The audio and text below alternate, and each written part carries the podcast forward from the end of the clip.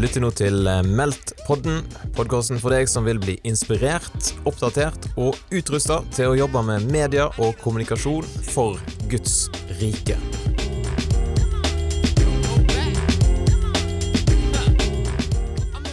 Velkommen til seminar på Meldt. Eh, dette gleder jeg meg veldig til å høre. Juliane skal eh, ha seminar om kreativitetens fremmere og hemmere. Og jeg tenkte jeg bare skulle gi en litt sånn kjapp introduksjon. Hun har sikkert lyst til å si selv eh, hvem hun er, men bare hva hun jobber med. Fordi hun startet sitt eget selskap som heter Mos i Når startet det? For to år siden. Og der jobber hun som kreatør, er liksom stillingen som hun har. Men eh, når man starter eget selskap, så er det jo litt eh, mange roller man har. Man er HR-sjef, man er sjef, man er designer, man er litt av hvert. Eh, så jeg tror eh, at dette selskapet for det første går veldig bra. Jeg vet at Juliane er veldig flink. Eh, og så eh, har hun sikkert masse på hjertet, for da har hun jo tusen stillinger i dette selskapet her, som jeg gleder meg til å høre fra. Så nå kommer det flere folk. Kom inn, velkommen skal dere være. Sett dere ned her fremme. Og så tror jeg vi bare klapper Juliane opp. Vær så god. Det er altså jeg som skal holde dette seminaret 'Kreativitetens fremmere og hemmere'. Eh, og Jeg har lyst til å starte litt med å bare snakke eh, kort om min bakgrunn. Nå er det noen som kjenner meg her, men eh, det er noen som ikke gjør det. Eh, og så har jeg lyst til å ta det litt gjennom min jobb som kreatør, hvordan det ser ut. Og så skal jeg snakke om dette litt eh, vanskelige og veldig enkle begrepet kreativitet. Og vise noen caser på jobber som jeg syns er veldig god kreativ kommunikasjon. Og så har jeg lagd noen hovedpunkter, tre hovedpunkter på hva som fremmer og hemmer kreativiteten. Og til slutt så skal jeg gi dere bare noen eh, do's and don'ts eh, i en kreativ prosess. Hva man kanskje burde tenke på, og hva man ikke burde gjøre. Så, eh, Mitt navn er altså Juliane Stensrud Mjåseth. Jeg er gift med Anders Stensrud Mjåseth. Og vi har en liten gutt på fire måneder. Eh, jeg startet egentlig å studere på Diakonhjemmet. Jeg skulle bli eh, sosionom. Og Så gikk jeg der i to år, og så kjente jeg at jeg hadde en eh, en kreativ side som jeg hadde lyst til å utforske litt mer. Så jeg startet på Art Direction på Westerdals og gikk der i tre år. Og så når jeg var ferdig der, så var jeg innom Try reklamebyrå, og så har jeg jobbet i Anorak reklamebyrå. Og Det er litt større byråer i Oslo.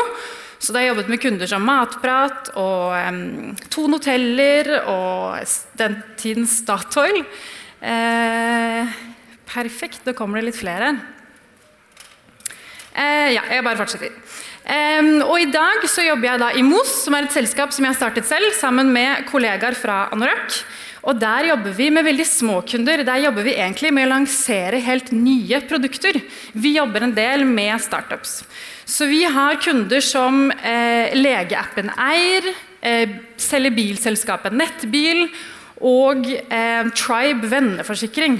Og Det er antageligvis ting som ikke dere har helt hørt om ennå, men snart vil dere høre masse om det. Um, og I dag skal jeg snakke mest om min erfaring som kreatør, både fra de litt større byråene som jeg jobbet i før, og den lille startupen som jeg jobber i i dag. Eh, slik ser en hverdag ut for en kreatør. Eh, en kreatør er egentlig en liksom vag tittel. Det er egentlig en idé- og konseptutvikler som jobber i et reklamebyrå. Eh, og en typisk prosess det er sånn at eh, vi får en oppgave, sånn som vi har fått her. Vi skal lage sommerkampanjer for Tone hoteller. Og så eh, får vi kanskje noe innsikt om målgruppen, eller noen utfordringer Ton står i av noe som heter en planner. Eh, eller så gjør vi en del research selv. Og så begynner da jeg og min kreative partner vi går inn på et rom og så begynner vi å snakke om strategi. Hva tror vi at denne kunden, hva er lurt for denne kunden? Og Så begynner vi å jobbe i det, og det gjør vi kanskje pluss-minus sånn en ukes tid. Og så, eh, I samarbeid med konsulenten vår så presenterer vi et knippe med ulike ideer til kunden. Og så, Forhåpentligvis så liker de det, og vi får lov til å lage disse eh, kreative uttakene med kunden. Um, og Da kan det være alt fra en reklamefilm til en radiospot, til et stunt, til en adshell, en annonse. Og plutselig så får vi lov til å reise på filminnspilling til Hollywood, eller vinne noen priser. Men det er litt få dager i året vi gjør det. Eh, de andre dagene så sitter vi inne på dette grupperommet og jobber i det. Og i det å jobbe kreativt, det er veldig gøy, men det er også veldig hardt arbeid. Og det er en del av våre kunder som kommer til oss, og så eh, eh, skjønner ikke de helt at det koster penger. Eh, og det tar tid å jobbe kreativt. De sier litt sånn til oss dere, dere er jo kreative mennesker, kan ikke dere bare finne på noe? Og så kan vi lage det. Men man får ikke mengder av kreative ideer ut av ingenting. Man må tilegne seg ganske mye kunnskap om temaet, forstå en målgruppe, hva er det vi prøver å oppnå, for å lage ideer som faktisk funker. Eh, så det jeg skal snakke om i dag, det er på en måte kreativitet eh, som en aktiv handling, og min erfaring med å ha kreativitet som en fulltidsjobb. Eh, og noen ganger som kreatør så blir du litt beskyldt for å kanskje ønske å være kreativ bare fordi det er litt gøy. egentlig kanskje ikke at det er det som er det beste for kunden. Men eh, kreativitet i denne konteksten det handler om ikke bare finne på noe helt crazy. Det handler om eller, for Det dummeste man gjør, er jo da å lage noe som folk ikke forstår. Det handler om at jeg virkelig tror at kreativitet er et veldig sterkt virkemiddel for å få folks oppmerksomhet. Så hva er kreativt?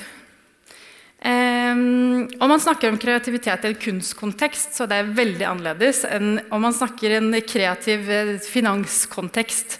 Uh, og jeg kan ikke snakke om noen av de tingene, men jeg skal da snakke om kreativitet ut fra et reklameperspektiv. Uh, alle de stedene jeg jobbet, så har de liksom prøvd å definere hva kreativitet er. Og liksom lagd sånn lange tekster og liksom, hva er faget vårt. Og jeg opplever ikke nødvendigvis at det hjelper meg så mye i jobben min. Men noe som jeg ofte leter, i, i idé, leter etter i en idé, og navigerer meg litt ut fra, det er om jeg opplever den ideen jeg har fått, som uventet.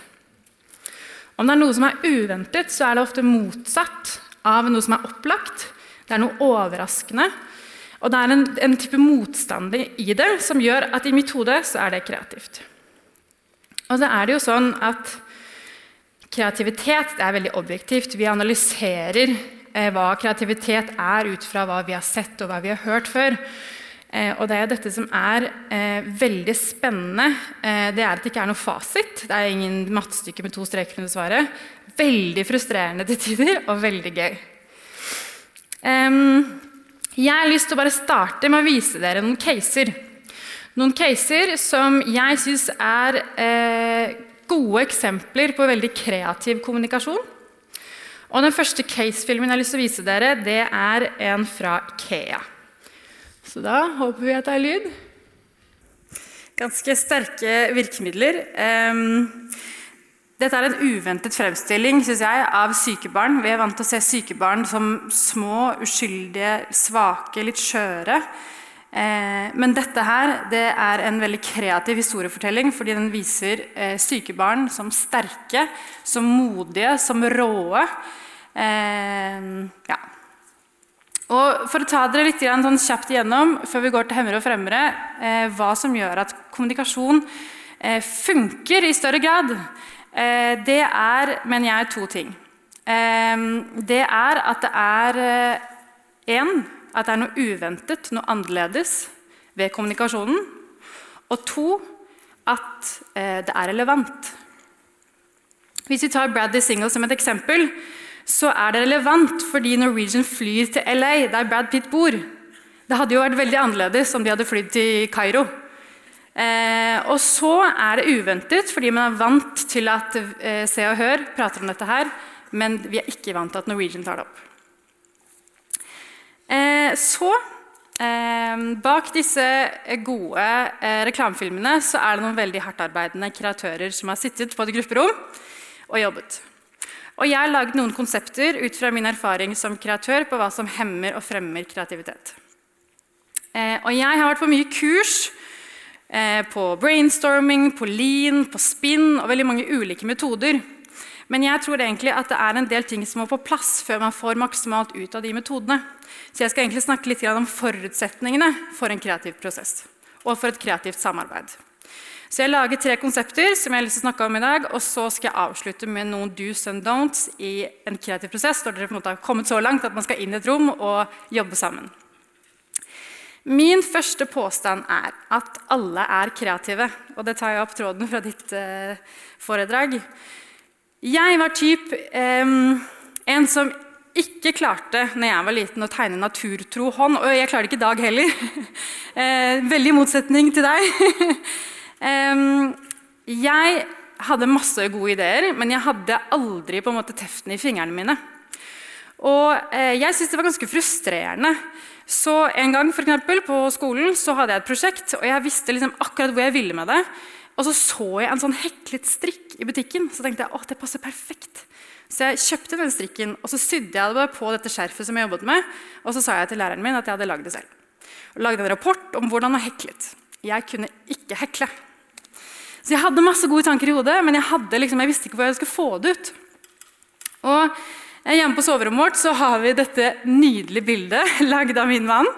Eh, han lagde dette her i Kunst og håndverken. Han var strålende fornøyd med dette verket. Han hadde jobbet lenge med det. Eh, ingenting var liksom tilfeldig. Det eh, var et verk som handlet om eh, en sånn ung lekenhet og kreativitetens kraft. og Så viste han det til læreren, og hun var kanskje ikke like imponert. Han fikk en treer. og følte seg kanskje litt avfeid. og litt sånn, ble ikke tatt seriøst med dette verket her. og jeg tror at det er en hemmer for veldig mange unge at vi på en måte blir definert i veldig ung alder om vi er kreative eller ikke. Eh, om man liksom ikke kan tegne eller sy eller de der klassiske tingene, så glemmer man kanskje å fortsette å utvikle sine kreative sider. Så jeg mener altså at alle er kreative. Eh, og når jeg startet på Westerdal, så syntes jeg det var, sånn, jeg det var en påkjenning. Og at folk skulle se på meg og si sånn 'Å, du er sånn kreativ, du.' Ja, det er sånn det er. For det var liksom noe jeg måtte opprettholde hele tiden.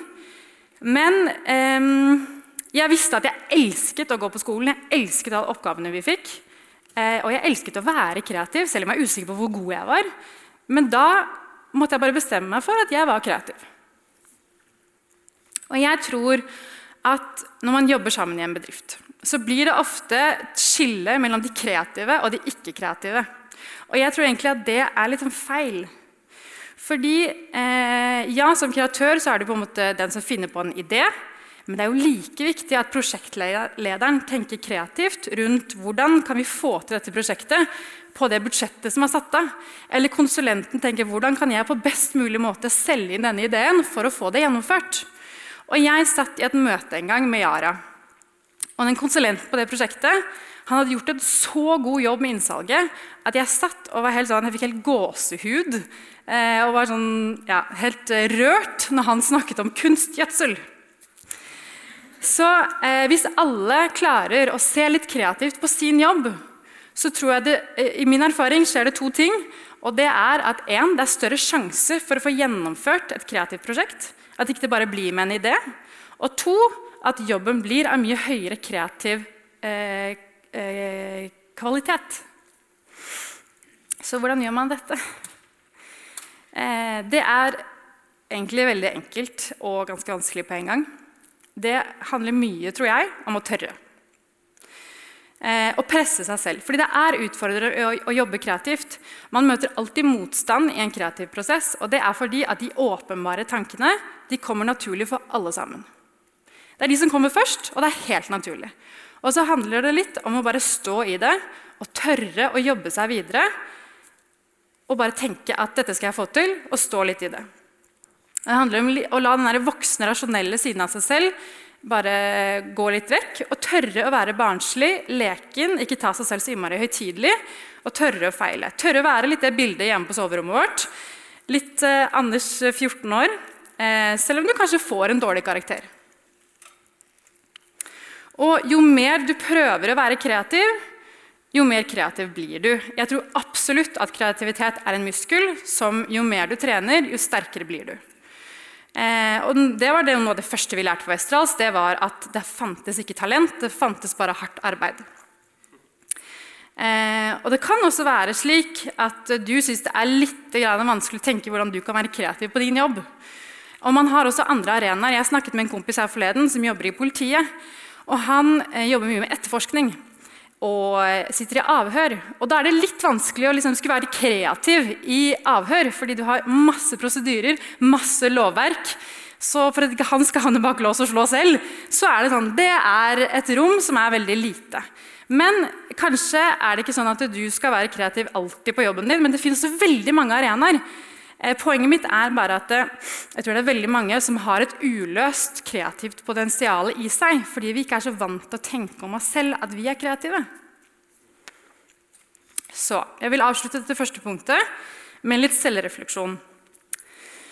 Eh, dere skal få 30 sekunder til å, eller 15 til å tenke på når var jeg sist kreativ, barnslig eller leken?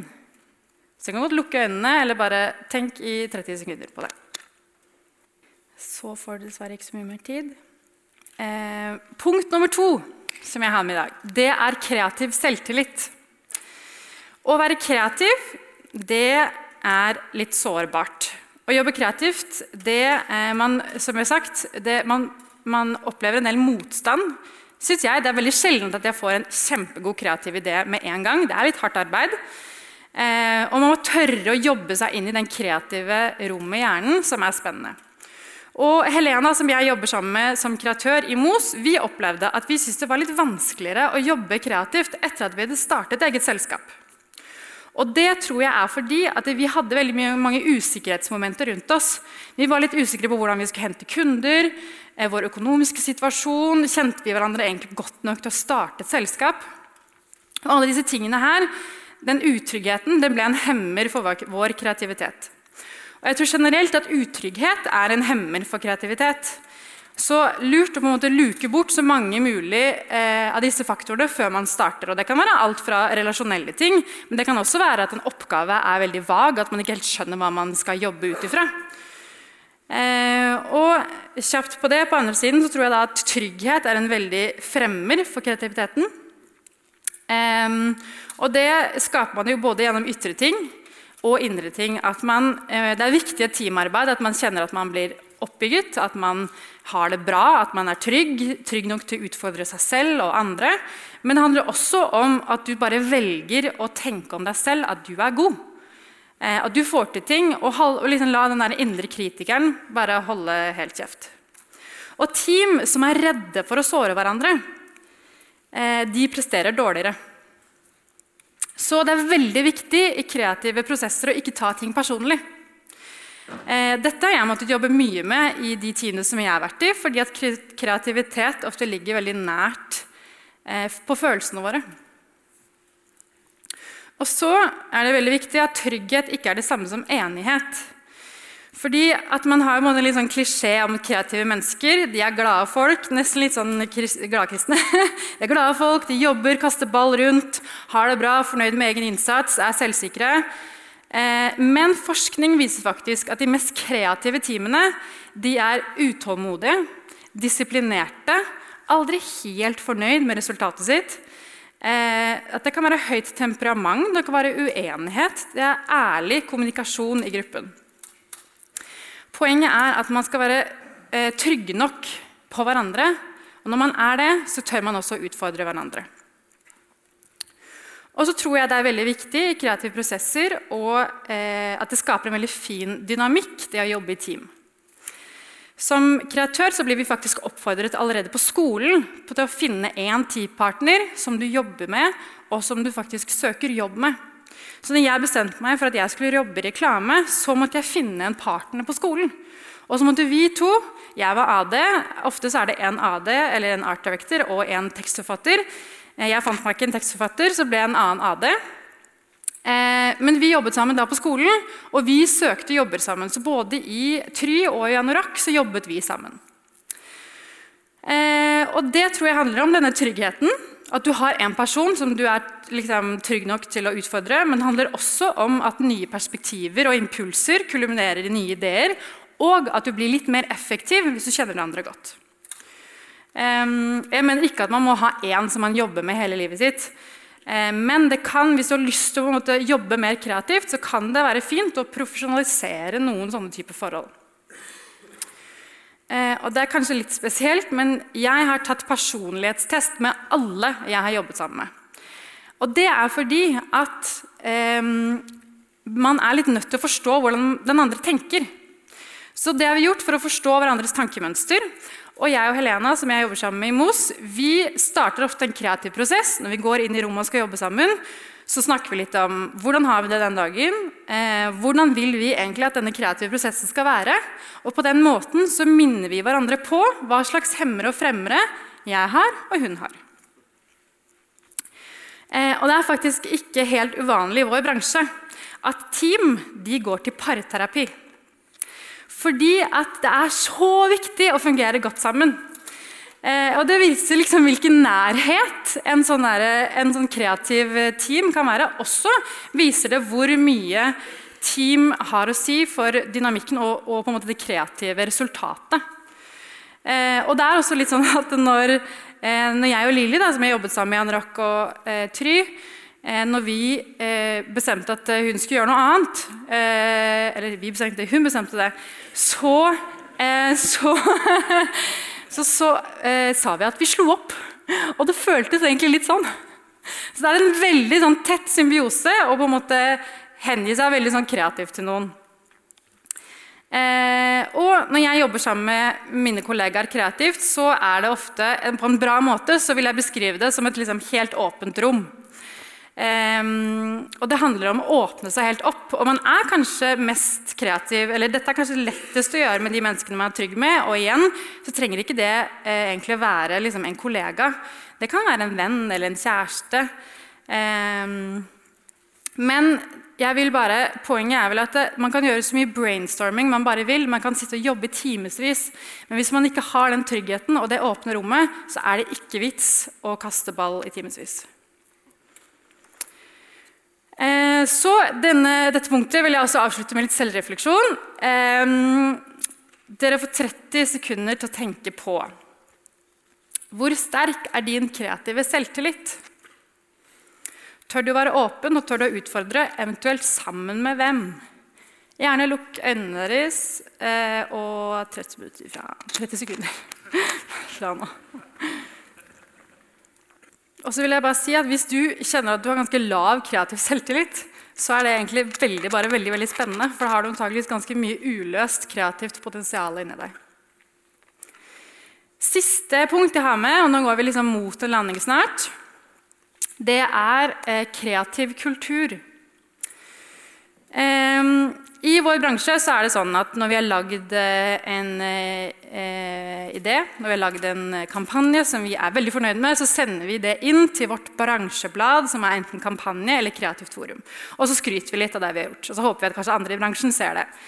Og så eh, Det første stedet jeg jobbet, så eh, syns jeg at når de sendte inn jobber, så sendte de utrolig mange på den krediteringslisten. Altså, det så ut som halve byrået var å jobbe på samme case. Så tenker jeg at Dette var en litt sånn rar måte å liksom fremheve hvem som jobbet der. eller liksom, Jeg syntes det var litt sånn kleint å gjøre. Og så når jeg startet å jobbe der selv, så kjente jeg at oi, dette handlet jo om kultur. Fordi de snakket aldri om min eller din idé. De snakket alltid om våre ideer. Eh, jo flere som kom med innspill på samme idé, jo bedre var det. Og Derfor var det mange, jobber, nei, mange, mennesker som var kreditert på samme jobb. Fordi det var mange som hadde eierskap til ideen. Fordi den kollektive tanken tror jeg er mye mer fremmende for kreativitet enn ego. Og Jeg har også opplevd å jobbe steder der det ikke var akkurat sånn. Der eh, man i mye større grad eide sin idé. Eh, og det som skjer da, er at det blir en rivalisering, egentlig en konkurranse, eh, rundt hvem som er mest kreativ. Hvem fant egentlig på ideen? Var det du eller jeg i dette teamet som var best? Hvilket av teamene på jobben er egentlig mest kreative? Og Det er en veldig stor hemmer for kreativiteten når man begynner å prøve å konkurrere i hvem som er mest kreativ. Og så tror jeg også um, at Jeg vet ikke om det er liksom min generasjon eller om det er litt sånn tiden vi lever i, men jeg opplever at det er mye lettere å hate på ting og snakke ting ned enn å eh, si at denne reklamefilmen den var skikkelig bra, fordi da må du stå for noe. Og eh, det er litt sånn eh, Det å hate eller liksom snakke ting ned, det skaper litt sånn samhold. At det blir litt sånn oss mot de, vi vet bedre. Det er veldig lett. Eh, og det er jo en slags liksom sånn kultur, det også, men det er veldig hemmende for kreativiteten. Så jeg tror man må passe på at man ikke bare snakker ned ting. Og så tror jeg det er veldig mye enklere å være eh, logisk og, eh, og, kritisk enn å være optimistisk og positiv. Så det må man liksom verne litt om. Og så eh, Slutten på dette punktet her, det er at du er kulturen. Jeg jobbet jo da på disse to ulike stedene. Eh, og jeg aksepterte bare kulturen sånn som det var på begge de to stedene. Eh, fordi det er veldig vanskelig å endre en kultur. Men jeg tror at du, man alltid må starte med seg selv. Eh, jeg kunne ønske at jeg tenkte mye mer og prøvde å være den kulturen selv som jeg hadde lyst til at skulle være rundt meg. Så det eh, tar oss over til siste refleksjonspunkt i dag. Det er hvordan kan du være med og skape en kreativ kultur rundt deg? 30 sekunder fra nå. Så har jeg da til slutt noen do's and don'ts i en kreativ prosess. Når disse forutsetningene er til stede for en god kreativt samarbeid eller en god kreativ prosess, så kan man begynne å snakke om metode og hva man faktisk skal gjøre når man møtes. Jeg har noen punkter som hjelper meg. Det er eh, bl.a. jeg kalte god avsporing. Når man sitter og jobber sammen over lang tid, så kan det hende at man ikke alltid klarer å holde seg til temaet. Noen ganger så kommer jeg på ting som andre sa i går, eller som jeg opplevde da jeg var liten. Eh, jeg syns det er helt fint å bare komme med i en kreativ prosess. Ikke legge noe lokk på det.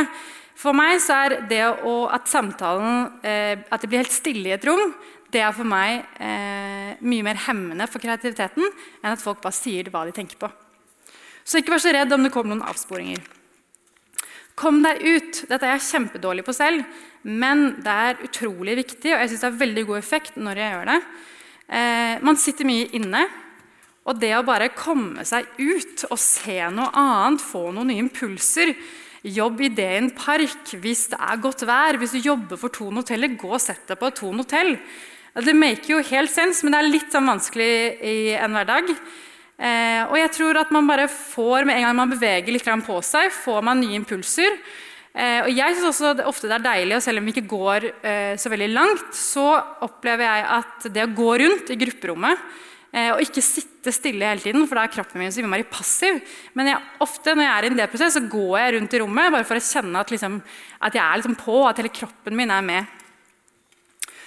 Eh, en eh, metode som vi bruker litt, jeg vet ikke om den har noen navn, men vi synes den er veldig morsom å jobbe med, når vi står litt fast med en, eh, med en kunde, så kobler vi kunden med nye problemer.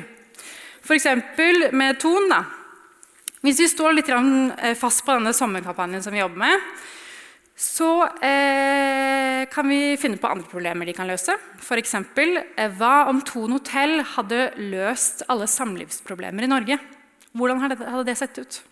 Eller hva om Thon hotell skulle hjulpet eh, flyktninger i Middelhavet? Hadde, hva hadde det vært? Og Da åpner du liksom noen nye kreative rom i hjernen eh, og får noen nye innfallsvinkler på akkurat samme kunde. Og så Det siste, som er litt banalt, men jeg syns det funker kjempebra, det er å alltid tenke når du jobber kreativt ja og. Det er ikke sikkert du er enig i alt den andre sier, men bare ikke liksom skyt det ned og lag dårlig stemning. Prøv å dra det videre og utfordre videre. Si ja og. Eh, ting som jeg syns er skikkelig dårlig i en kreativ prosess, det er det jeg kalt dårlig avsporing. Og det er bl.a. mobil. Når man sitter i et rom og har liksom jobbet opp en kreativ energi i rommet, og så er det noen som bare begynner å scrolle på Instagram, så for meg så er det akkurat som en ballong som bare sprekker. Fordi man blir Det er ingenting relevant til det vi jobber med, og så mister man helt fokus. og man liksom jobbe seg inn i den kreative prosessen på nytt igjen. Og så er det tid. Eh, man klarer ikke å jobbe kreativt uendelig med tid. Man klarer ikke å jobbe en full dag. Så bare bestem dere for jobb to timer, Og så tar dere pause, selv om dere kanskje ikke var så fornøyd med den økten. Eh, jeg har kalt det 'rug på ideen din'. har jeg kalt neste punkt. Eh, det er altså en 'don't'. Ikke rug på ideen din. Hvis du har fått en skikkelig god idé, så kan den bare bli bedre. Det er ikke sikkert den blir så mye dårligere av at du ruger på den, men den kan i hvert fall ikke bli bedre. Så tør å fortelle ideen din til folk, test ideen din på folk, få innspill. Da kan den bare bli bedre. Og så det siste punktet basale behov. Ikke gå inn i en idéprosess, kreativt arbeid, hvis du er skikkelig sulten, skikkelig trøtt, skikkelig negativ. Eh, sørg for å bare være eh, i OK allmenntilstand. Eh, så det var egentlig det jeg hadde forberedt på kreativitetens hemmere og fremmere. Eh, lykke til med deres eh, kreative reise. Eh, jeg er her etterpå hvis det er noen spørsmål. Jeg tror ikke det er tid til noen sånn eh, spørsmålsrunde akkurat nå. Jo, ja, det er riktig. Ja. Eh, og hvis noen trenger et eh, designbyrå eller et reklamekontor, så kjenner jeg noen veldig flinke folk oppe på Adamstuen. Så det er bare å si ifra. Takk for meg.